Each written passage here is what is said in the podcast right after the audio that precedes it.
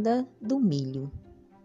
Há muito, muito tempo antes do homem branco tocar os pés no Novo Mundo, em uma selva da América do Sul havia uma tribo indígena que estava passando por muitas dificuldades. Não havia alimentos e na mata começaram a sumir até os animais. Nos rios e nas lagoas dificilmente se via a movimentação de um peixe.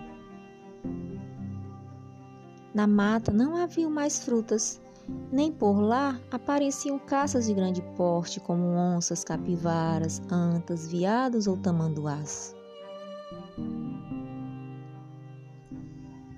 Os índios, que ainda não cultivavam nada, estavam atravessando um tempo de muito sofrimento.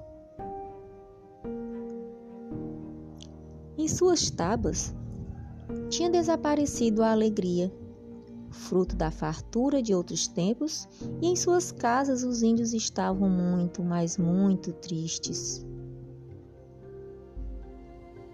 Os velhos da tribo, coitados, esses andavam desconsolados, passavam o dia dormindo nas redes, à espera de que o grande Espírito Deus lhes mandasse um pouco de mel.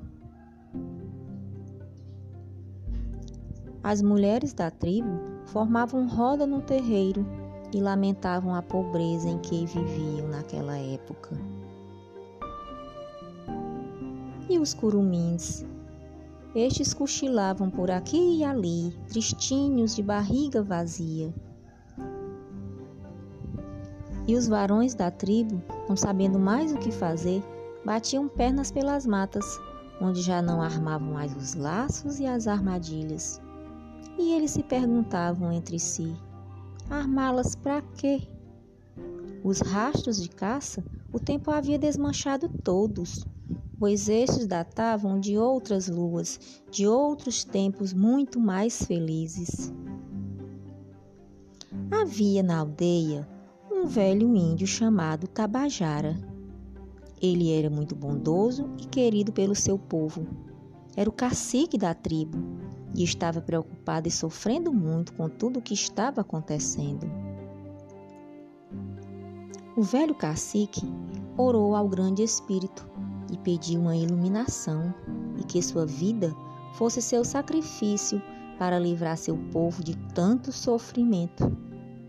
E em um sonho, o grande espírito lhe mostrou como deveria fazer para que a tribo fosse libertada do mal que a assolava.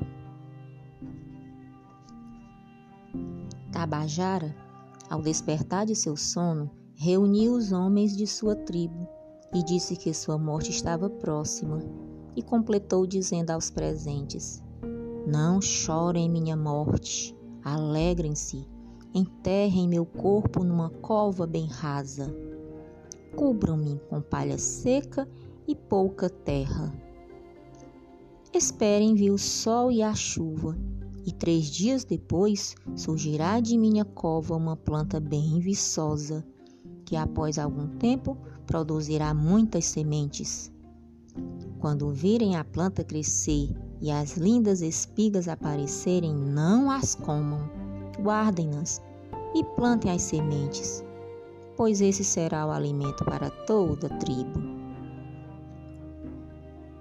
A saúde do chefe índio estava muito fragilizada pela idade e pela escassez vivida por todos.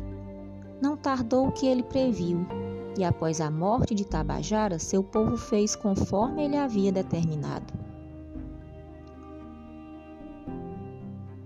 Sobre a cova do velho guerreiro surgiu uma linda planta com belas espigas cheias de grãos dourados e suas folhas compridas lembravam a lança do cacique Tabajara.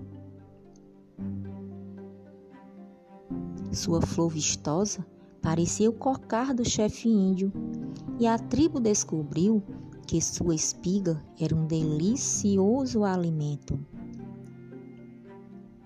Os índios ficaram contentes e agradecidos ao Grande Espírito. Então a tribo passou a cultivar o milho com muito carinho e todos prosperaram. caça, a pesca e as frutas voltaram a ser abundantes nas matas. E assim surgiu o milho, diz a lenda.